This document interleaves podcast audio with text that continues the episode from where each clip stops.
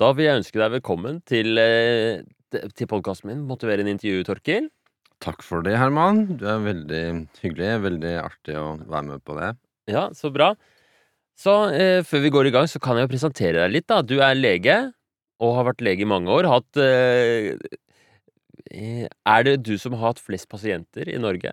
Det tror jeg ikke. Ja, det, ja, det kan Det kan være at det i hvert fall er blant dem som har flest ulike pasienter. Ja, det vil jeg Ja. tro. For at jeg har jobba rundt hele landet. Som eh, turnélege? Ja, ja.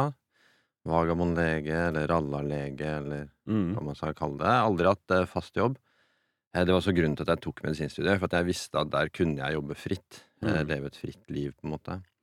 Så at jeg jobba i 30 kommuner fra nord til sør, jobba på sånne forblåste øyer og, og store legevakter også, med høy turnover. Mm. Sånn at jeg har nok sett ca. 50 000 ulike pasienter. Eh, som er ca. en prosent av befolkningen, da.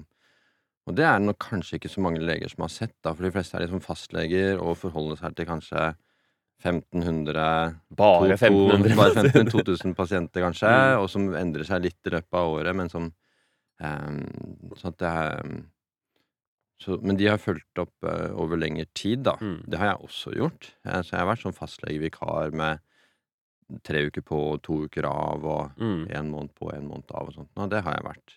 Men du har sånn der, du kjører den livsstilen hvor du er veldig fri og tar liksom sånne litt sånn vikaroppdrag her og der og stiller opp der det trengs, og så stikker du ut og seiler med båten din.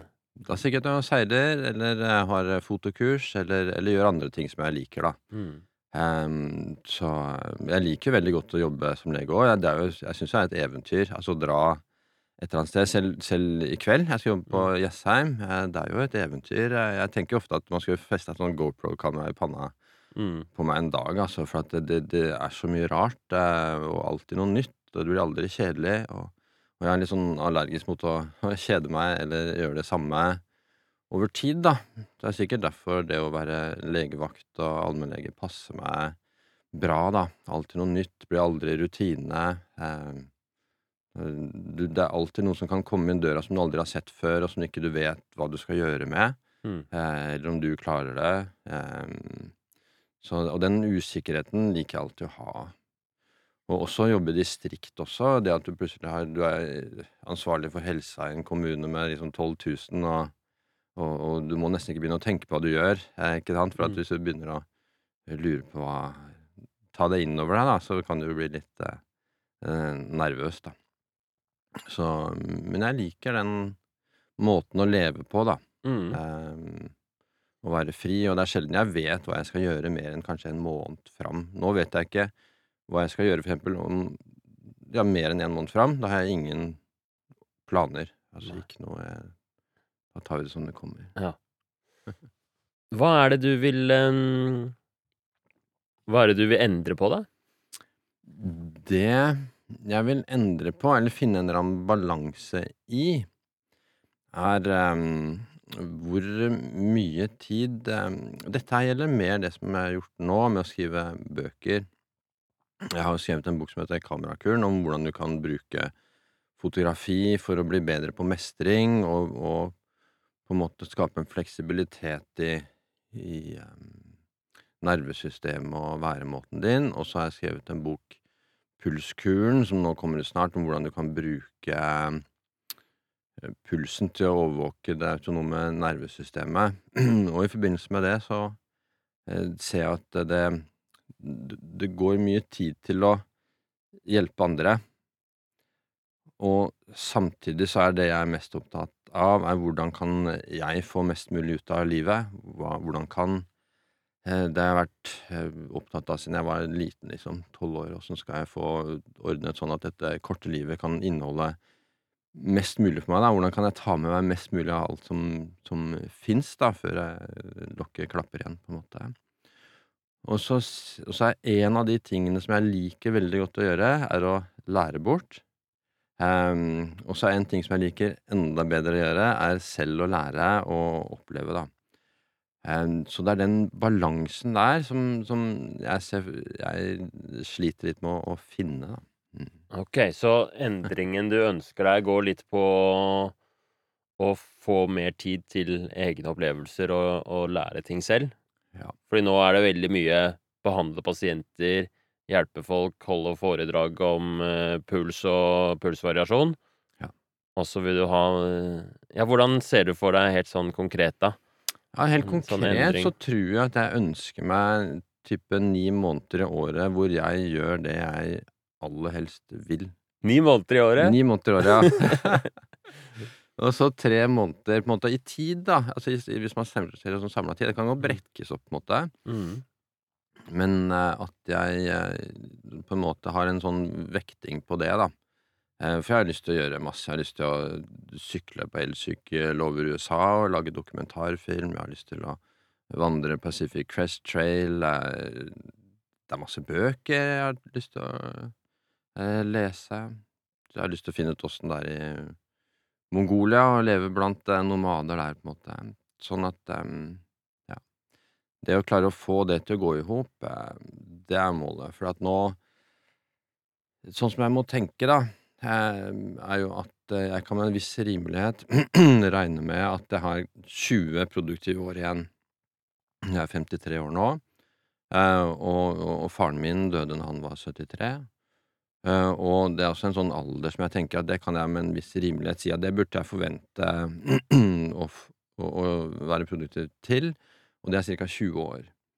Og alt det jeg har lyst til å gjøre, vil jeg ikke klare å få pressa inn på de 20 årene, så jeg må være veldig nøye med hvordan jeg bruker tida mi, da.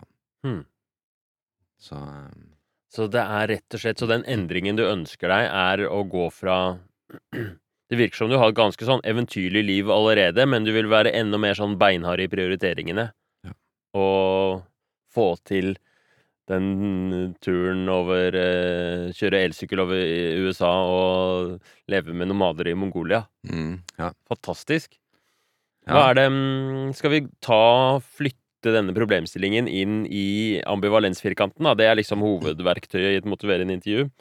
Det her er jo en litt annen problemstilling enn å slutte å røyke og trene mer. Det her, men det er jo en sånn Du har på en måte kanskje fått til alle de der sånn de enkleste livsstilsendringene. Du har livet ganske sånn som du vil på mange Ja. måter. Ja. Og så er det å skvise resten av saften ut av sitronen, liksom. Ja, Absolutt. Ja. Få maksimalt eh, ut av det. Ja. Hvis vi tar for oss sånn som du har det nå, da, sånn um, Altså det normale livet hittil, liksom, uten endringen, og så går vi gjennom fordeler og ulemper med den først. Så hva er fordelene sånn som det er nå, med status quo? Ja, det er kanskje at det er eh, trygt, og at jeg vet eh, hva jeg gjør, på en måte. Jeg eh, er vant til det. Eh, fordelen er at det er sikker eh, inntekt. Eh, jeg vet at, ikke sant, som, som lege og legevaktslege så vil det alltid være behov, eh, og nesten urimelig god lønn, holdt jeg på å si. Eh, Sånn at det vil eh, være der. Eh, ja, det er vel det som er fordelen, Mm. egentlig. Så der har du Sånn som det er nå, så har du en veldig trygg tilværelse. Mm. Særlig sånn økonomisk og alle mulige sånne der, eh, vilkår er Mm. gode. Mm. Og ulempene, da? Da må vi tenke Altså, ulempene Og da snakker jeg om dette med å, å lære bort, rett og slett, at det går mye tid til det. Eh, og jeg tror at, eh, at det går mye tid til også eh, henvendelser. Det merker jeg særlig i forbindelse med pulskuren, at det er mye Det blir mye henvendelser. Det er mange som vil vite noe. Det er mange som vil eh, stille spørsmål og vil ha meg til å dra hit eller dit. Eh, Ja, Så Og- du blir invitert hele tiden til sånn foredrag og Ja. seminarer og Ja, ikke nå hele tiden, men det aner meg at det kommer til å bli det. Ja. Eh, For at bare det lille som har vært nå, er, er, tar mye tid, da.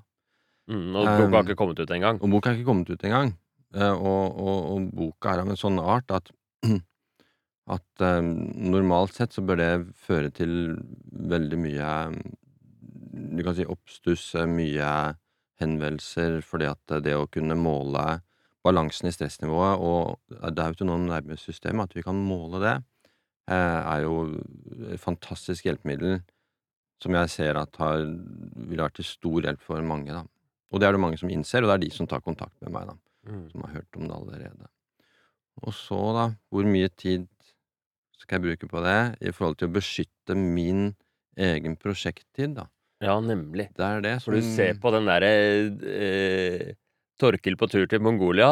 Det Mm. er en, noe som må beskyttes. For må hvis du, ikke, ja. hvis du ikke tenker deg om, eller hvis du, ikke, hvis du liksom bare lar det gli ut nå, så kommer du til å svare på spørsmål om pulsvariasjon i årevis framover. Ja, ja. Og det er en Det er ulempe. Det er en ulempe. Det er veldig fint, det, og jeg liker det. Og jeg har alltid likt å, å lære bort. Jeg, helt, den første jobben jeg har Altså, begge foreldrene mine er lærere, og gjennom hele medisinstudiet så jeg så, var jeg så lite som mulig på skolen som jeg kunne. Ja. Eh, og jobba så mye som mulig som lærer. Eh, også fordi at det var en jobb, da. Men jeg tror nok at det å lære bort det har, har vært eh, en slags ubevisst eh, eh, del av meg, da. Ikke sant? Jeg har jo holdt 60 fotokurs rundt omkring i 11-12 land.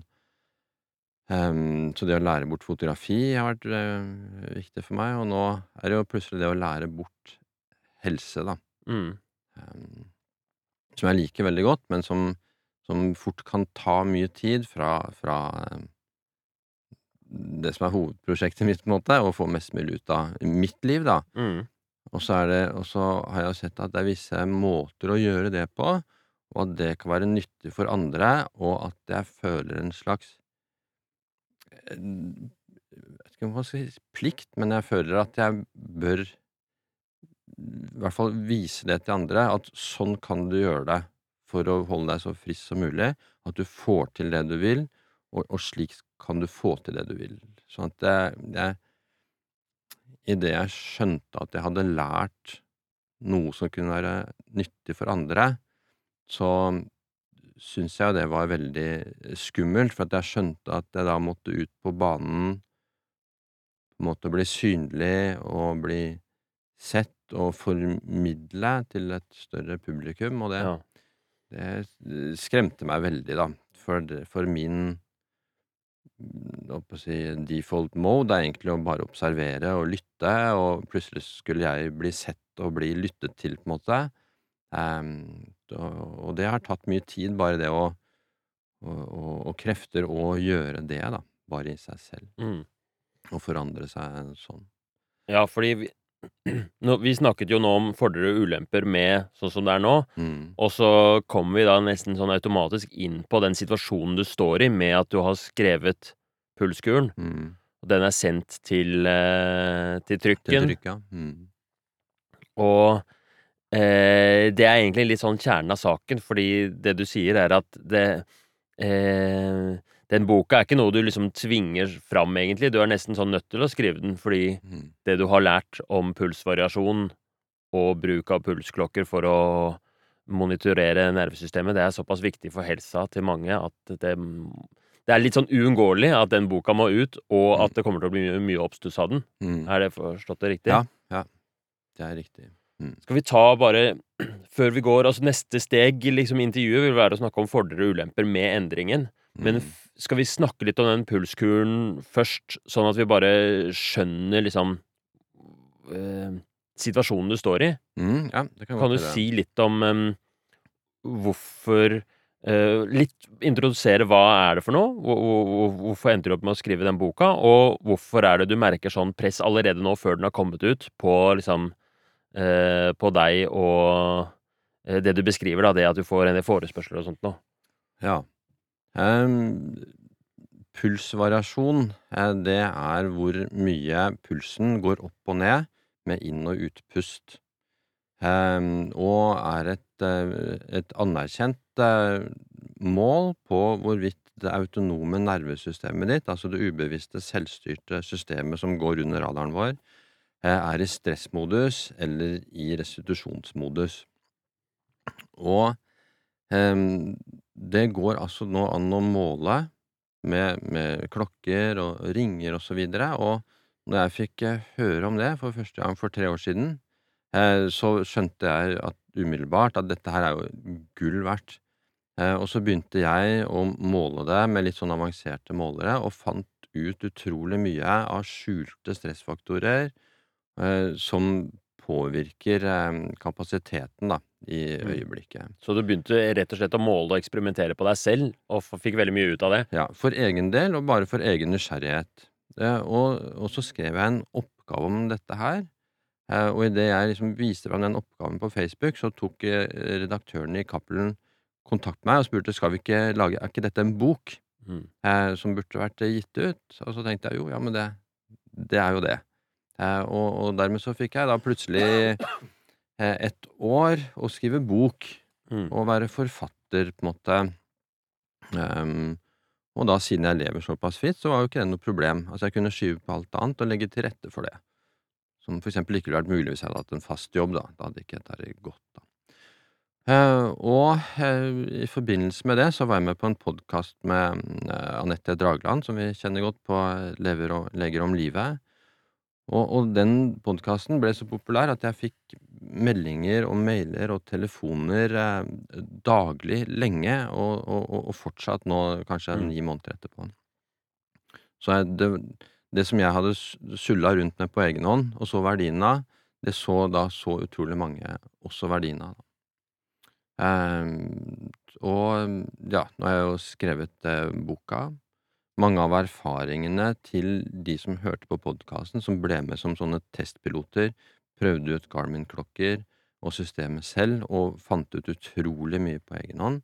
Ja, Eh, fordi- Deres erfaringer er også med i boka. Ja, fordi da, det som skjedde da du fikk masse forespørsler via den fra den podkastepisoden du var med på, Mm. hvor du i utgangspunktet egentlig bare hadde skrevet litt og eksperimentert med det selv, og da startet du en Facebook-gruppe hvor alle drev og delte erfaringer, og det ble nesten sånn forskningsprosjekt. Ja, Det var det, og, og, og, og jeg også så ja, potensialet i hva folk klarer å finne ut selv Mm. eh, av, eh, av dette her, da.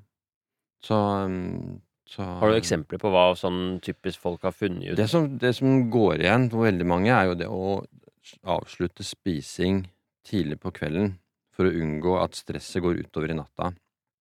Noe som også har sjokkert mange, er jo alkohol. Hvor lite Hvor mye én eller to enheter med alkohol påvirker søvnen gjennom natta.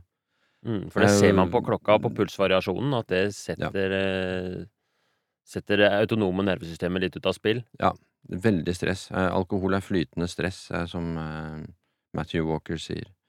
Eh, så det er noe som har gått igjen. Og, og generelt det at de klarer å finne balanse. For mange av de som var i den gruppa, eh, har jo vært, eh, hatt et nervesystem Det er derfor de har tatt kontakt med meg, for de har Mm. hatt et nervesystem som har vært ute av balanse. Og, og bare det å se at dette har de klart å styre på egen hånd, og at de opplever et mer overskudd og en større kapasitet, da. Eh, med forbedret søvn og, og stressnivå, da. Mm. Mm. Så, um, og det gjør at jeg ser jo at når dette, denne boka kommer ut, så vil det jo bli selvfølgelig enda flere som, Ja. som eh, henvender seg, da, som er, er veldig hyggelig i seg selv. Det er veldig spennende. Jeg liker jo å gjøre dette her, men jeg ser at det Så det er det om. som du står i nå, at det har vært gøy, og du har liksom vært revet med på en bølge hvor du har skrevet denne boka, og eh, den kommer ut på nyåret, og da blir du liksom pulslegen som alle snakker om. mm, Og det er selvfølgelig gøy, men hva skjer da med eventyret de neste 20 årene, som skal jo være ditt eventyrliv? Der har du det. Der har vi Så det er den endring Så det er ikke egentlig sånn Det er jo ikke en helt sånn konkret endring, men det er en prioritering Mm. som, eh, som du er opptatt av å ta litt Det er jo fint å snakke om det nå allerede før det skjer, da, at du Mm. er litt sånn bevisst på at her kommer det til å komme mye press. Hvordan skal jeg Mm. beskytte eh, mine private ambisjoner og, og ønsker og drømmer? Mm. Og eh, nomadene i Mongolia. Mm. De må, de må jo få oppleve deg, de òg. Ja, ja. Eller motsatt, ja. ja. Ikke bare puls, de norske pulsrytterne. Mm, mm, mm. Ok, så det endringen som du ønsker deg, er å klare nå de neste årene å sette av nok tid til prosjekter og reiser og sånt noe. Um, hvis du får til det, hva er fordelene med det? Da får jeg opplevd det jeg har drømt om.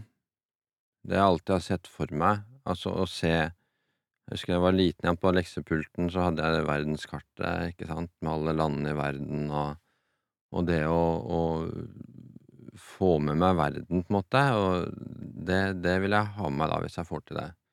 En Mm. slags, eh, tilfredsstillelse, eh, at, eh, jeg var her, eh, jeg fikk sett meg rundt og og og skjønt hvordan verden henger sammen, på en måte, og møtt mye folk og sett hvordan folk lever, eh, rundt omkring. Mm. Det går litt dypt for deg, den derre det jeg Altså, du satt med verdenskartet allerede som barn, liksom. Mm -hmm. Ja. Ja. Hvor, eh, hvor kommer det fra, tror du, den derre trangen etter å se verden? Det kan godt hende at den kommer derfra, for at det første jeg gjorde når jeg var ferdig med militæret, var å dra rett ut på jorden rundt-tur. Eh, og og og reiste og opplevde så mye spennende. Og så fant jeg ut at Og der var det noen som sa at hvis du blir lege, så kan du jobbe for eksempel her i Canada, i nordområdene, kanskje et par-tre måneder i året, og så tjener du nok til å gjøre hva du vil resten. Og det var det som trigga det at jeg ville bli ta medisinstudiet, da. Ja, nei, jeg driver og dette Jeg syns det er veldig spennende. Jeg leter etter liksom Fordi med en gang du snakker om denne her um, Altså, for mange er så er det jo en drøm, og veldig forførende, det å skrive en bok og få masse oppmerksomhet rundt det, og og og bli liksom ekspert på et felt og og sånt noe. Og så er det veldig interessant hvordan det er en sånn veldig tydelig sånn drøm som er annerledes enn det, som handler om å reise, og som handler om å ut i verden. Og så er jeg bare nysgjerrig på å finne liksom mer av det, hvor det kommer fra, hva hva det hvorfor det er så viktig for deg. Mhm. Kan du si litt mer om det? Hvorfor er det så viktig for deg å få reist? Ja. Nei, det er bare da Det er nesten så selvfølgelig for meg, da, at jeg nesten ikke tenker over det. Sånn at mange av de store opplevelsene mine Jeg har kanskje reist i seks-sju år til sammen, da. Det vil jeg tro. Eh, tre år på seilbåt og og to år på jorden rundt-turer og masse reiser utenom. Jeg føler at det Når jeg da Da ser jeg verden med med nye øyne. Altså, jeg jeg ser hvordan det er i Marrakech, jeg opplever luktene, det jeg ser. Jeg føler at jeg lever mer intenst, og at den dagen husker jeg. Jeg kan nesten huske på en måte nesten alle dager hvor jeg har reist. Så de si at de de seks årene kanskje jeg da har reist, har tar større plass i i hodet mitt enn de nesten 50 andre. Mm. Og kanskje mye større plass. Det kanskje de tar tre ganger så mye plass i hodet mitt Mm. som de de de 45 andre årene, på en måte, så jeg ikke har reist. Det er veldig verdifullt for deg, de Ja. minnene du får på reise, og opplevelsene og Ja, så du kan glede deg til Jeg gleder meg jo til disse reisene Mm. allerede. Altså, allerede har jeg nytte av de reisene jeg Ja. kommer til å ha om fem og ti år, ikke sant? Ja. Og så har jeg glede av å være der, og etterpå så varer jo reisen resten av livet. Så så i mitt hode så er jeg ofte tilbake til den turen i i Asia, Australia for 30 år siden. ikke sant? Ja. Så så så de gir ennå en godfølelse, og den opplevelsen sitter jo i, og og det viser jo også forskning at at opplevelser er viktigere for oss enn ting. Mm. Eh, det er bedre å betale for en opplevelse enn å betale for en ting som du uansett kanskje har kasta fem år etterpå, mens Ja. den den opplevelsen kan bli med deg livet ut, da. Er det med Når du tenker disse framtidige reisene, reiser du kommer du til å reise alene eller med familie, eller? Med med eller ja, nå er jo ungene snart voksne, da. Ehm, så vi har jo seilt med ungene i tre år, da, bodd på båt og hatt hjemmeskole og sånt Da. Men da tenker jeg at jeg reiser med med kona gjerne, da. Ja. Ja, ja. Hun liker også godt å reise, da. Sånn at vi er et bra team sånn sett. Mm. Men også reise med venner og og jeg tror ikke jeg får med henne på sykkel over USA, for å si det sånn, men jeg har en annen kompis som vi eh, gjerne blir med. Eh, så det vil nok være en variasjon der, da. Jeg liker å ha med meg folk. Jeg eh, altså hvis du har sjanse til å dra på eventyr, så ta med deg noen, på en måte. Det er litt av den eh, tankegangen jeg alltid har hatt, da. Eh, så det er mer spennende å være på tur eh, sammen med noen og dele det. Mm. ja. Mm. Ok, så vi har snakket litt om eh, Det er jo masse solide fordeler med å verne om verne om eventyrlysten og få dratt på disse reisene og sånt noe. Hva er det noen ulemper hvis du skulle Hva er liksom nedsiden av å, å prioritere deg selv og dine, dine prosjekter? Ja, det finner jeg nesten ikke noen nedside på. Ehm, det måtte vært eventuelt at den at, at hvis jeg bare skulle gjort det, så ville jeg følt på et eller annet vis eh, dette her med at du liksom kommer deg opp et sted, og så drar du opp stigen etter deg, eh, sånn at de andre ikke kommer seg dit. Ja. Så det ville kanskje vært en slags dårlig samvittighet for at, eh, at um, her, er, her er jeg og, og har det så bra, og så vet jeg hva hva som skal til, og så sier jeg det ikke. Eller Ja. jeg, jeg, jeg, formidler det ikke. Mm. Ehm, så og, At alle de som står og lurer på, spør deg liksom Hva, men hvordan kan jeg få et godt liv? Og så sier du sånn Finn ut av det sjæl, jeg skal til Ulan Bator. Ja, ja. Og det sånt. gir deg en litt dårlig samvittighet. Ja. Ikke sånn, jeg er ikke noen veldig stor Jeg er ikke sånn som er veldig plaget av dårlig samvittighet, men det ville vært en eller annen ting som skurret der, Mm. eh, som kanskje kommer fra et eller annet sted inni meg som ikke jeg er helt bevisst på. Mm. Eh, fordi at eh, hvis jeg i dag fikk valget mellom eh, hva jeg du gjøre nå, så hadde jeg pakka sekken og dratt, på en måte. Ja. Og så er det et eller annet i meg, tydeligvis, eh, som også vil gjøre disse andre tingene. Som å skrive bok og og ja, holde foredrag og, og liksom drive webinarer og, og, sånne ting. Mm. Som kanskje kommer fra et eller annet sted inni meg som ikke helt eh, eh, har oversikt over. Mm. Ja, hvis du skal prøve å dykke litt i det? Hvor, kommer den trangen derf, derfra? Har du noe sånn Det er en sånn hjelpetrang, eller en behov for å formidle. Mm. Hva er det den er for noe?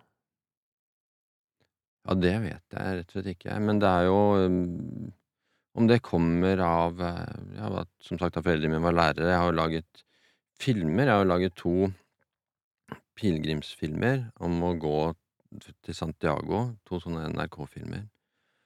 Eh, Og da følte jeg behov for at det å gå pilegrim til Santiago kan være så viktig for folk, da. Å få oversikt over prioriteringer, eh, å komme seg ut av hverdagen, komme seg ut på veien, få bevegelse, tid og rom til å sortere tanker og finne ut av hva du vil. Eh, og, og, og dermed så vil jeg lage en sånn film som jo tar ett år, og, hvor det overhodet ikke er noe penger i. Som jeg taper masse penger på å lage. Mm. Eh, men som er en tilfredsstillelse av at etter de filmene så har jo antallet norske pilegrimer som går til Santiago og Trondheim, har jo gått veldig opp. Mm. Eh, sånn at det gir også en sånn tilfredsstillelse som eh, så det, Og det handler sikkert også noe om, om å lære bort noe jeg har erfart. Mm. Eh, så, så, så den, den eh, litt sånn kanskje ubevisste trangen i meg, den eh, Den eh, er da Ja På et vis et eh, eh, Også, da, et hinder eh, for meg, da. Ja. Så er det den der balansen her. det er litt sånn konflikt. Ja. Ja, det er en konflikt mellom trangen til å ut og leve for deg selv, og så trangen til å hjelpe andre, eller til å formidle. Mm. Og så Sånn hvis vi ser det konkret, da. Det eh, Det du er i hvert fall, sånn som jeg forstår det, veldig tydelig på, er at eh, det, det du må kjempe litt for de neste årene, det er å få prioritert reise og tid for deg sjøl. Um, og eventyr og prosjekter. Fordi nå kommer det liksom en flom av eh, Det mangler ikke på muligheter til å formidle og hjelpe andre. Så sånn konkret, hva er det du er opptatt av å Eller hvis du skal sette opp noen sånne markører for hva som blir viktig for deg neste, neste tiden, da. Hva, hva er du villig til å liksom gjøre for å faktisk gjennomføre det du Eller den endringa du vil ha, da, eller få den balansen du vil ha? Godt spørsmål. Ja. Ja. Hvordan ser Det det, det, ut i praksis? skal ja. Mm. Det må Ja, det er det som kanskje er problemet. At ikke jeg helt vet hvordan jeg skal gjøre det i praksis. Det må gå å rydde å rydde timeplanen, da. Sette av tid. Ikke la seg bare bli dratt av andres agendaer. Mm. Mm. Hva er det Er det noen sånn Hva er liksom den første eller neste muligheten eller vinduet hvor du Hvor du kan få til en eller annen reise eller noe sånt noe som du ønsker deg, som er litt Ja, det er ganske tydelig vindu, for det er eh, en drøm jeg har hatt i mange år, om å ha et fotoprosjekt hvor jeg følger Hvor jeg da rundt i USA og følger etter Bruce Springsteens konsertplan. Ja, Ja. Det har du veldig lyst til. Det har jeg veldig lyst til, og, og nå begynner han å bli såpass gammel at jeg kan Mm. ikke vente på neste turné, eh, på en måte, og den turneen vil være i, i høst. Sånn at i, Høst i høst 2023? Høst 2023. Ja. Eh, sånn at når han legger ut på den stadionturen i USA, så må jeg passe på at jeg har satt av tid til kanskje ja, seks uker, to måneder kanskje, til å, å dra rundt. Og jeg er ikke interessert i å fotografere konsertene eller så mye rundt det, men at dit jeg drar rundt USA, er styrt av hans eh, Ja. konsertplan. Eh, Ja. Som er en litt sånn eh, abstrakt idé, da, men hvor jeg ønsker å fotografere USA litt med Springsteens øyne, da. Mm. Eh, For jeg liker eh, det å se verden gjennom andres øyne, og det er også Springsteens eh, forse, da. At han er Mm. flink til å formidle eh, hvordan forskjellige folk har det fra deres ståsted. Mm. Eh, så dermed så blir det litt både landskap og personer og, og sånt noe som, som jeg håper å få til, og det er skikkelig eh, skummelt eh, å gjøre. Hva er det som gjør at det er skummelt?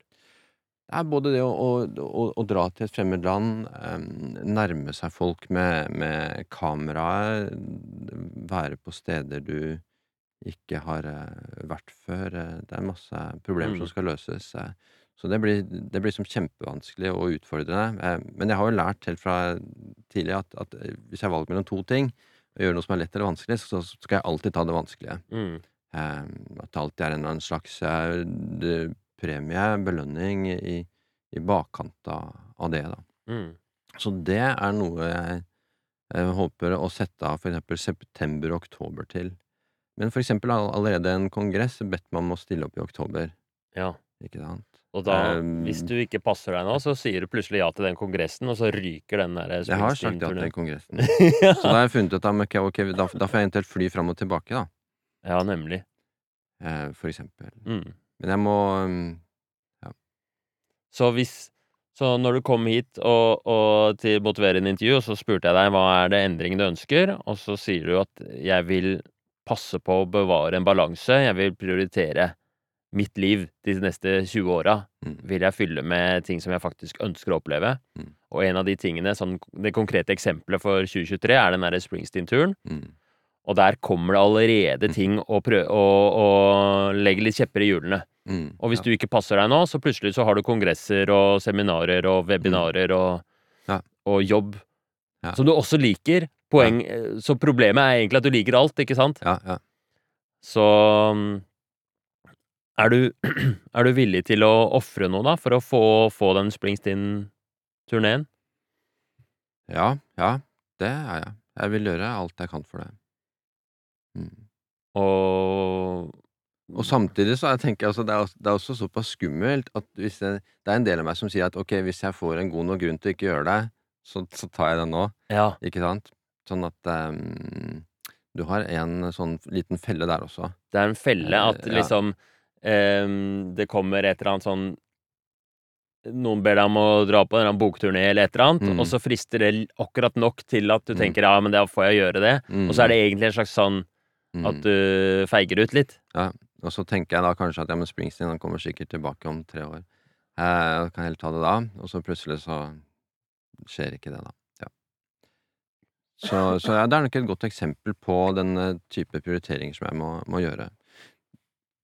Det er litt enklere nå, for at nå har jeg altså familie, ikke sant, um, ungene er fortsatt ikke ute, men om, om tre-fire år, når de er eh, voksne begge to, da, da sitter jeg jo med hele styringa Mm. sjøl, da. Mm. Sånn at um, det er også også ligge litt i forkant til den tiden som kommer der. Ja, for det er jo det er det er jo sikkert eller vi alle som lytter på, og jeg også, kjenner seg igjen i livet bare skjer, liksom, og så har du alle disse prioriteringene, og noen er veldig bevisste, noen er veldig mye mindre bevisste, Mm. og så tar man sånne beslutninger sånn plutselig. Ja. Mm. Jeg syns det dette her var veldig spennende. Jeg er veldig spent på um, eh, eh, hvordan det blir, og om du klarer å få det som du vil. Det Ja. Det virker jo som om det blir Altså, det blir jo som du vil nesten uansett hvordan det går, da. Så Ja. det, det, det er jo ikke akkurat Altså, enten så gjør du masse spennende formidling, kunnskapsformidling, og, og, og er på en måte læreren Torkil Færø, Mm. eller så er du eventyreren Torkil Færø, og det er jo Ja. to ganske gode Mm. Ja, så jeg står, valget mitt står mellom det jeg vil, og det jeg aller helst vil. Eh, Ja. på en måte. Så det jeg ikke vil, det, det har jeg aldri drevet med. Nei. Nei. Så det har jeg ingen toleranse for. Mm. Det, du, du, um, så det er også noe av grunnen til at jeg har levd sånn som jeg har gjort, da, med at jeg ikke har villet ha jobber som ikke jeg vil. Det prøvde jeg ett år, jeg liksom, og var fast eh, ansatt. Og visste på en måte hva jeg skal gjøre i et visst antall tid framover, og det, det er utholdelig for meg. Mm. Um, så, så, så det går mye på å, rydde bort det du ikke vil, er Mm. like viktig som å finne ut hva du vil, da. Nå, for å avslutte her, hva, er det, hva sitter du igjen med fra, fra samtalen? Hva er det du vil eh, huske på? Ja, det, det jeg vil huske på, er nok kanskje det konkrete med å beskytte det prosjektet til høsten. Mm. Um, og, og holde på den, altså. Selv om det er mm, ting som kommer til å komme inn og prøve å forstyrre det. Ja. Så, og det har jeg jo ikke fortalt om det prosjektet før, for så vidt. Det, det har liksom vært inni hodet mitt, så at det, bare det at jeg har fortalt om det, gjør at jeg plutselig må ta det litt, eh, enda litt mer eh, Ja. på alvor, da. Eh, Ja, jeg, jeg kjente, det, kjente det at det var veldig spennende, det prosjektet. Det ble veldig ekte. mm. Sånn Ja. Neimen, så vi får se. Da er det jo bare å Da kommer alle lytterne til å Kommer sikkert til å sende deg melding i, når det nærmer seg, og høre om blir det noe av denne Blir det noe av, ikke sant? Får vi ja. se disse bildene fra Springsteens USA?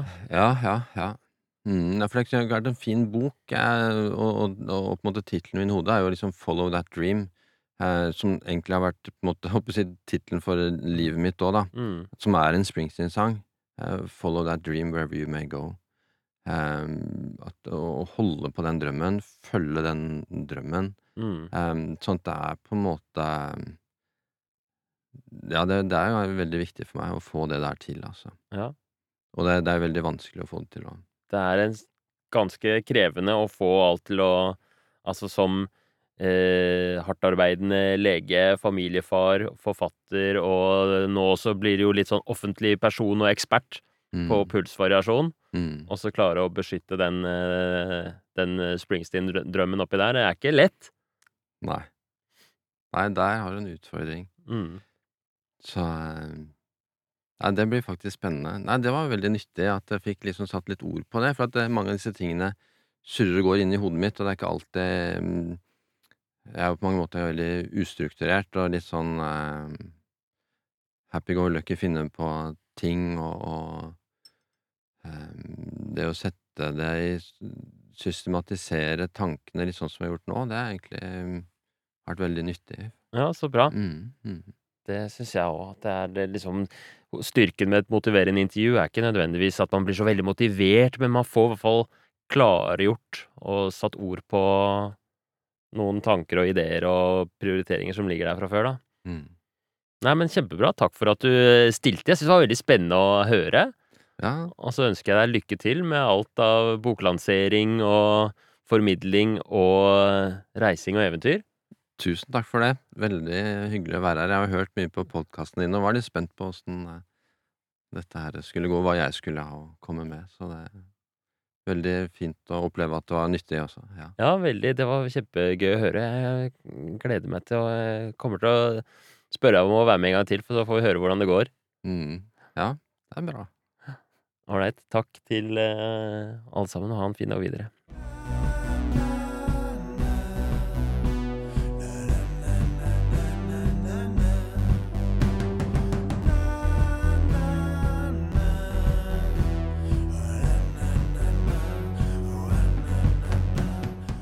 Da er vi ferdig med intervjuet med Torkil. Det var jo selvfølgelig en spennende samtale for en spennende person Torkil er. Han lever jo litt sånn eh, annerledes enn i hvert fall de fleste leger uh, jeg vet om. I denne eh, samtalen så skjedde det som jeg syns skjer nesten hver gang jeg har et motiverende intervju, og det er at jeg sitter igjen med å bli kjempemotivert. Og det er nesten uavhengig av hva, hva det er snakk om, om det er om noen skal trene eller røyke mindre eller eh, hva som helst, så er det som om den der motivasjonen som skapes, er smittsom.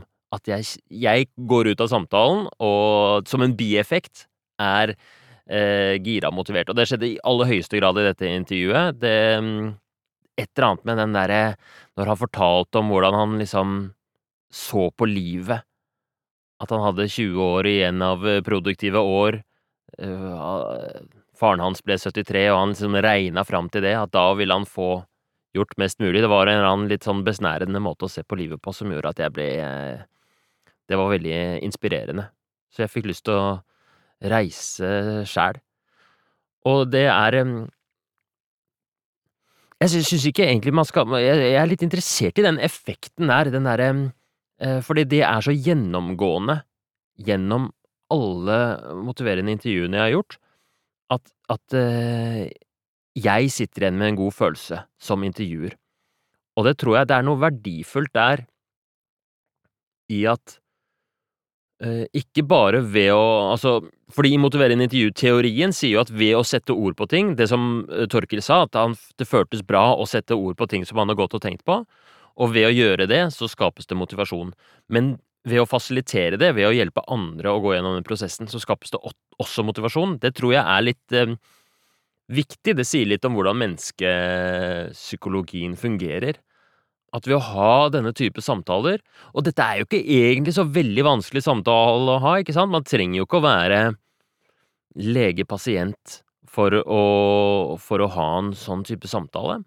Men ved å, ved, ved, å, ved å stille spørsmål på en sånn måte, og ved å kanskje det aller viktigste, ikke gå rett til å begynne å skape løsninger, og liksom lage rom for å utforske og for å tenke høyt, så skapes det motivasjon hos begge. Det tror jeg er veldig verdifullt. Og hvis jeg skulle gjort liksom en endring i verden, så ville det vært Eller det brenner jeg litt for, da, at, at um, vi som uh, medmennesker kan i enda større grad ha disse samtalene med hverandre.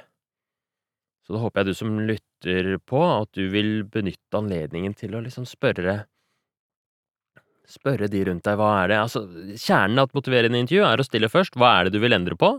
Er det noen endringer du ønsker å gjøre? Hva er det som er viktig for deg, liksom? Og så er det å spørre hva er fordelene og ulempene med det? Og så er det å spørre hva er du villig til å til å gjøre for å få det til? Hva, er du villig til å ofre noe?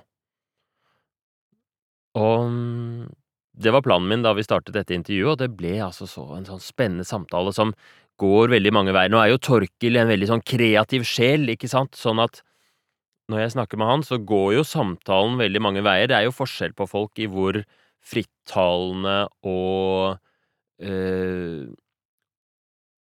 Og liksom verbale de er. Men i de aller fleste tilfeller så bare de spørsmålene der Hva vil du? Hva vil du endre på, liksom? Hva er fordelene og ulempene med det? Og hva er du villig til å gjøre for det? Hva er du villig til å ofre?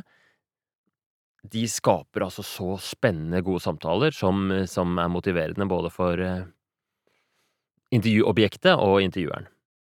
Og det vanskelige er jo å ikke gå i gang og, og begynne å løse det, da. Fordi da, det som Når man stiller det spørsmålet 'hva vil du endre på', og han sier 'jeg vil bruke Ehm, mindre tid på ting som jeg har veldig lyst til, og mer ting på det jeg har aller mest lyst til, og det er å reise, så er det jo veldig fort å begynne å løse problemet for han. Kanskje ikke så mye med Torkel, som er så drevet og, og, og sånt noe. Jeg fikk ikke så mye sånn korrigeringsrefleks i denne samtalen, egentlig. Men hvis det er en som er kanskje mer um, mer tafatt, eller litt mer sånn eh, som har et problem som du kanskje lettere kan løse, så er det så fort gjort at man begynner å gå inn og løse problemet, og da dreper man hele samtalen. Da stopper man hele prosessen. Hvis jeg hadde plutselig begynt å si ja, men kan du ikke bare bestille, bestille billetten til USA med en gang, da, eller noe sånt noe? Og så hadde han blitt sånn ja jo, og så hadde vi ikke fått fram alle liksom det derre, de nyansene i fordelene og ulempene. Fordi når vi helt til slutt fikk konkretisert at ok, den USA-turen var et eksempel på et prosjekt han veldig gjerne ville gjøre, noe han drømte om, men som var da under angrep, og ikke nødvendigvis fra ting som han ikke ville gjøre, det er ikke noe problem, men han må liksom beskytte den turen fra ting han også har lyst til å gjøre, som for eksempel å delta på en konferanse og snakke om pulsvariasjon. Det seiler fram som noe av hovedgrunnen til at jeg driver med den podkasten, det som jeg virkelig for, vil formidle. Én ting er å, å liksom skape motivasjon til hver og en konkrete endring, det er fint, men det som jeg virkelig har lyst til å utrette, er at folk eh, kan, kan, få til sånne samtaler her på egen hånd. Fordi jeg tror ikke man trenger å være helsepersonell og og mm, at man trenger å ha den derre rollen med hjelper og pasient for at man skal kunne fasilitere de gode tingene som skjer i et motiverende intervju. Så det syns jeg var fint å si litt om. En annen ting som, eh, for de som er opptatt av liksom det tekniske og metodikken i motiverende intervju, en, eh, et spørsmål som jeg gjorde på slutten, som jeg ikke alltid gjør, men som jeg liker veldig godt, egentlig, det er det derre å spørre til slutt hva satt du igjen med, hva vil du huske fra denne samtalen? Og det egner seg godt som en avslutning. Det blir en sånn naturlig måte å ramme inn samtalen, og så vil det jo også da når jeg spurte om det, så, så, først, eh, så, så sa han jo det Det jeg vil sitte igjen med, det er det at, um, at jeg fikk liksom konkretisert eh, og satt ord på akkurat det med at faktisk den der USA-turen var et godt eksempel på det han snakket om. Og eh, så ved å stille det spørsmålet, og at eh, gjesten liksom gjentar det viktigste, da forsterker man Hvis man har hatt en effekt på det tidspunktet ved å liksom sette ord på de tingene, så kanskje forsterker man den effekten litt. Så det, det spørsmålet, spørsmålet, liker jeg veldig godt. En annen ting du får ved å stille det spørsmålet, er at du blir enda litt sånn mer bevisst på hva som skjer i løpet av intervjuet. Og at du innser du, Jeg ser for meg at hvis man stiller det spørsmålet på slutten av hver samtale, og man har den samtalen veldig mange ganger, så vil man etter hvert lære at ok, det var ikke Fordi det pasienten sitter igjen med, er sjeldent at 'jeg har sagt noe lurt'. Det var veldig sjeldent at eh, de sier 'ja, det du sa om at eh, sånn og sånn og sånn, det er det jeg sitter igjen med'. Mens oftest så er det et eller annet en eller annen aha-opplevelse. De har hatt en eller annen sånn tanke som har fått, uh, blitt satt ord på, som har vært viktig. Så ved å stille det spørsmålet på slutten av en samtale, hva er det du sitter igjen med, så forsterker du både effekten av samtalen, men du lærer deg også Du trener deg selv i å skjønne hva er det egentlig som skjer. Så det liker jeg veldig godt. Takk til Torkil for fantastisk eh, intervju, og hvis du liker podkasten, så gjerne del den med venner og kjente, det er sånn den sprer seg, og har du tilbakemeldinger eller spørsmål til meg, så kan du sende det på Instagram eh, DM. Hvis du ønsker å være gjest, så kan du også ta kontakt. Takk for nå, ha det bra.